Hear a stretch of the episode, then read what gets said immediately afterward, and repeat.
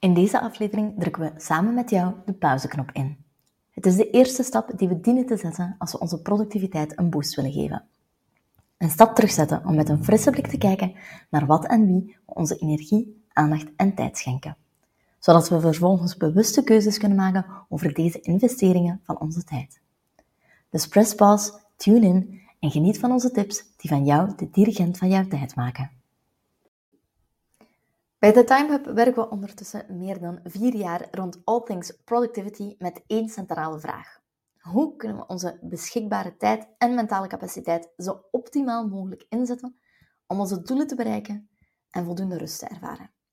En dat is niet om te stoffen, maar onze kennis over productiviteit is intussen niet min. Van tips om je te focussen tot tips over uitstelgedrag, grenzen stellen, communiceren, doelen stellen, projecten plannen, allemaal tips, theorie en oefeningen die je in ons signature product, product, de Productivity Playlist, kan terugvinden. We laten deze er gewoon in, want done is better than perfect. In deze playlist helpen we je trouwens in 36 weken je tijdsbesteding optimaliseren met hands-on tips en tricks. Je vindt er alles over terug via de link in de beschrijving. Als je de eerste aflevering van onze playlist al beluisterde, dan weet je misschien ook dat we een lichtjes andere definitie van time management hebben dan de meeste productiviteitsgoeroes die je online zal terugvinden. Want wanneer je die eindeloze takenlijst wil afwenken en efficiënter en effectiever wil gaan werken, is stap 1 namelijk niet een ideaal weekschema opmaken, niet je planning optimaliseren, niet je systemen en processen in orde brengen en automatiseren, Stap 1 is het creëren van rust en ruimte in je hoofd en je agenda, zodat je die hierna terug kan gaan opvullen met wat er voor jou echt toe doet. Want uh, als je überhaupt te veel taken op je bord hebt liggen, kunnen we, niet, kunnen we je niet helpen om een planning te maken, hoe goed onze intenties ook zijn. Als je taken te veel in je hoofd zitten, kunnen we niet helpen om efficiënter te gaan werken. Als alle informatie over je bedrijf in je hoofd zit, kan je niet beginnen met delegeren, want dan staat je team non-stop aan je deur om vragen te stellen. En als je elk idee dat je krijgt voor je business als een taak registreert, kunnen we niet helpen, want dan blijf je eigenlijk gewoon in hetzelfde molentje lopen. Net daarom willen we vandaag de allereerste magische truc leren, waarvan dat wij vinden dat iedereen hem dient te kennen. Dat is meteen ook de stap met de meeste impact op de ruimte in ons hoofd en onze agenda. Klaar? Oké, let's go. Het begint allemaal bij het besef dat je hoofd een waardeloos kantoor is. Dat klinkt misschien een beetje bizar nu, dus we gaan het meteen opvolgen met een concreet voorbeeld.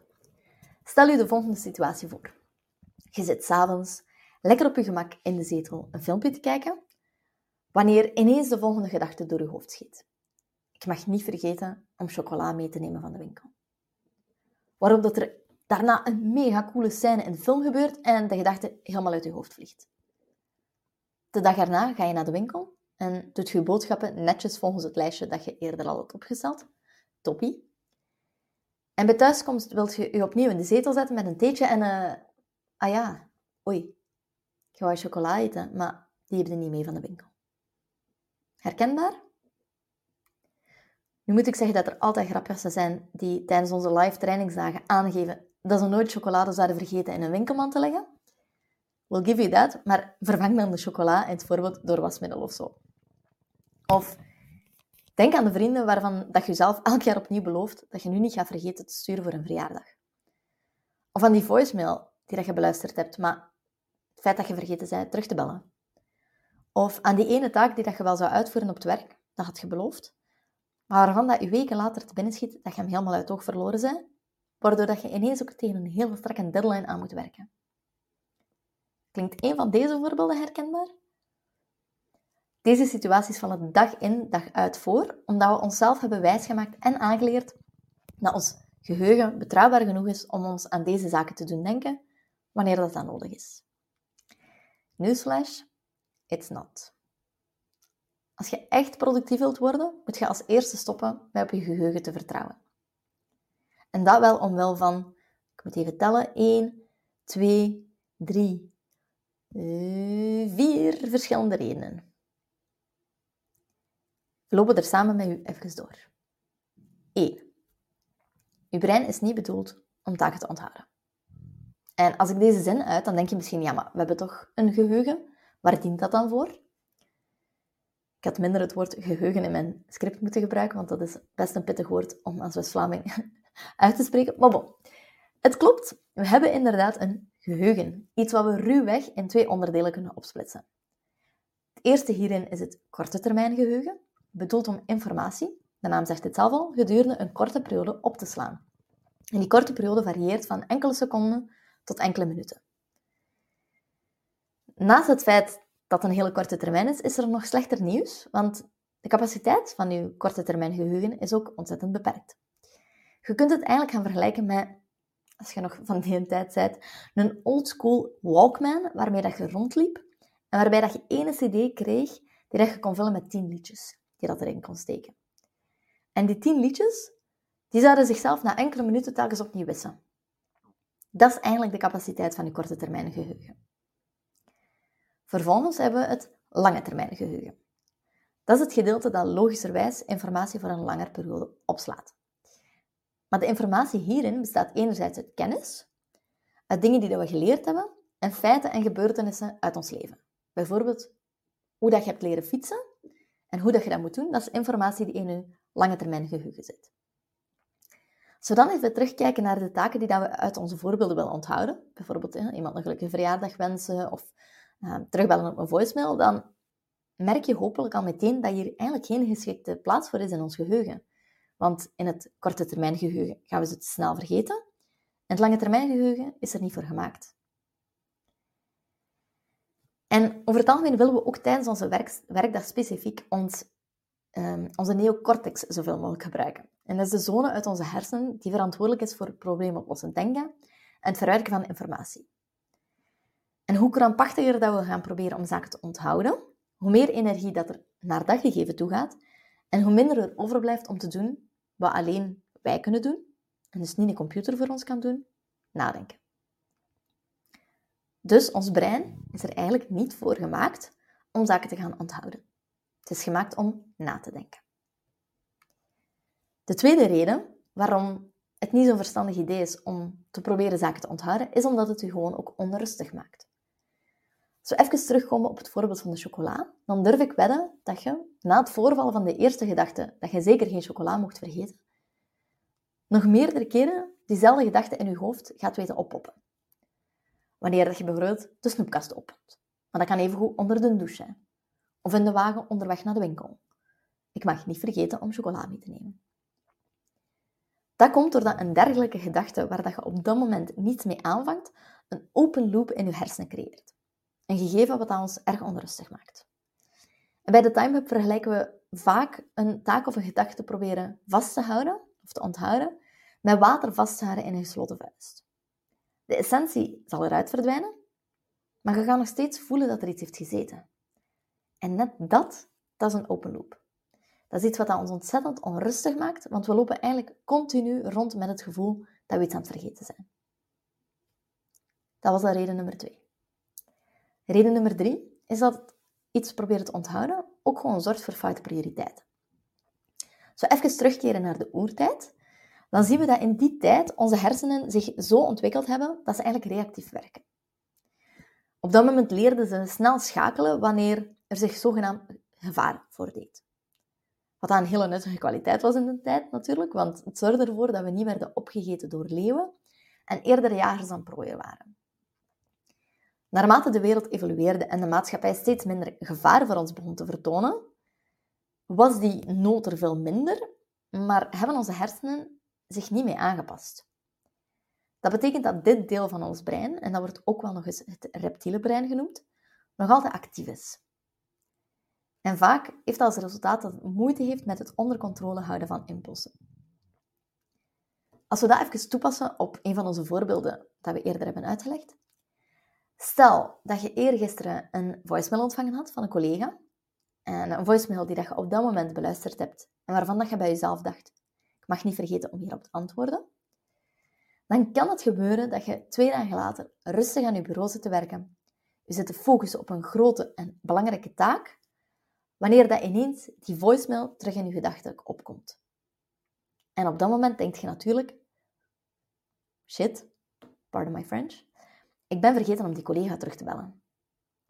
Je voelt je schuldig, gecombineerd met een klein paniekje van ja, wat gaat die collega wel niet van u denken? Je reptiele brein voelt op dat moment een bedreiging en schiet in actie, waardoor je besluit te laten vallen wat dat je aan het doen werd en meteen die collega opbelt. Zonder na te denken of die taak om terug te bellen op dat moment dringender en of belangrijker is dan de focustaak die dat je aan het uitvoeren waard. En dat is een gegeven dat we te gaan betwijfelen. Taken die te pas en te onpas in je hoofd komen, voelen vaak als dringender en belangrijker aan dan wat we op dat moment aan het doen zijn. Waardoor dat we toegeven aan ons reptiele brein en constant gaan wisselen van taak. Het ontbreekt ons op dat moment aan ratio en analytisch vermogen om onze prioriteiten juist te leggen. En dat is een feit waar we onze productiviteit mee schaden, want wij geloven net dat focus een van de allerbelangrijkste zaken is om productief te kunnen werken. We hadden al, ons brein is niet gemaakt om te onthouden. Het zorgt voor onrust en het zorgt voor foute prioriteiten. En tot slot zorgt het gegeven dat we taken enkel in ons hoofd bewaren ook voor een gebrek aan overzicht. Want wanneer dat we alle taken in ons hoofd bewaren, is het ontzettend moeilijk om een idee te hebben van hoeveel werk er op ons bord ligt. We gaan vervolgens ja zeggen op een hulpvraag van een collega omdat we denken dat onze takenlijst best meevalt. Of zeggen ja tegen een project omdat we geen helder zicht hebben op de taken die voor onze huidige projecten nog uitgevoerd moeten worden. Met als resultaat dat we op een gegeven moment onverwacht een overload aan werk hebben, allerlei taken die we niet voorzien hadden. Omdat we dachten dat we wisten wat er allemaal moest gebeuren en we dat enkel en alleen in ons hoofd hadden uitgedacht. Zonder een algemeen overzicht in onze takenlijst kunnen we niet helder onze prioriteiten stellen, kunnen we veel moeilijker onze grenzen bepalen en veel moeilijker plannen. Wat is dan de oplossing, hoor ik jou denken? Want je hoort het al, we zijn een fervent voorstander van het stoppen met ons hoofd als kantoor te gebruiken. Maar wat doe je er nu eigenlijk aan?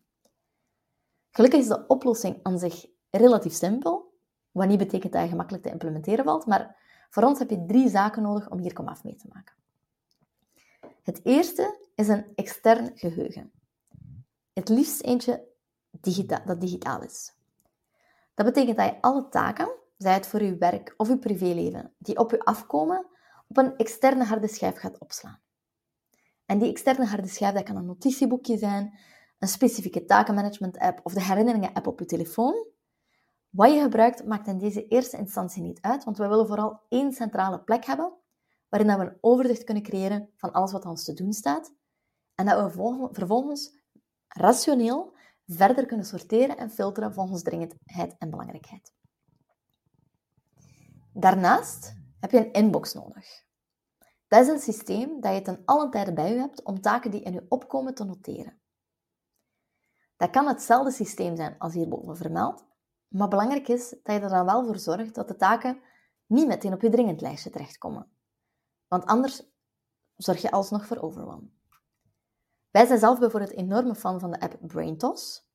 We zullen de link in de beschrijving zetten.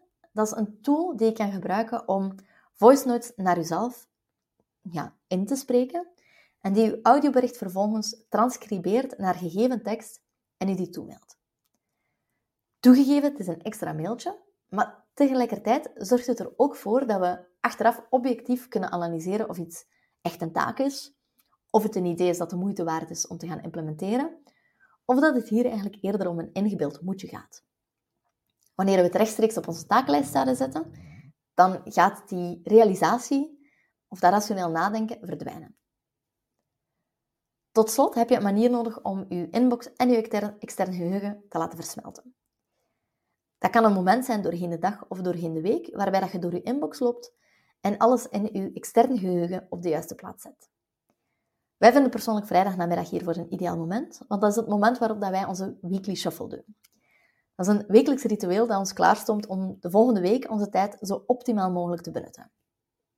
Als je graag meer wilt ontdekken over dit ritueel, dan kan dat, want we creëren speciaal voor u een voorprogramma van onze Productivity Playlist, waarin dat je voor slechts 15 euro aan de slag kunt gaan met de meest magische stap die wij elke week zetten om onze productiviteit een boost te geven. Meer informatie hierover kunt je terugvinden via de link in de beschrijving. Wij hopen alvast dat we je met deze podcastaflevering hebben kunnen overtuigen om te stoppen met uw hoofd als opslagplaats te gebruiken. Want het bezorgt u meteen meer rust en resultaat beloofd. Tot in een volgende uitzending.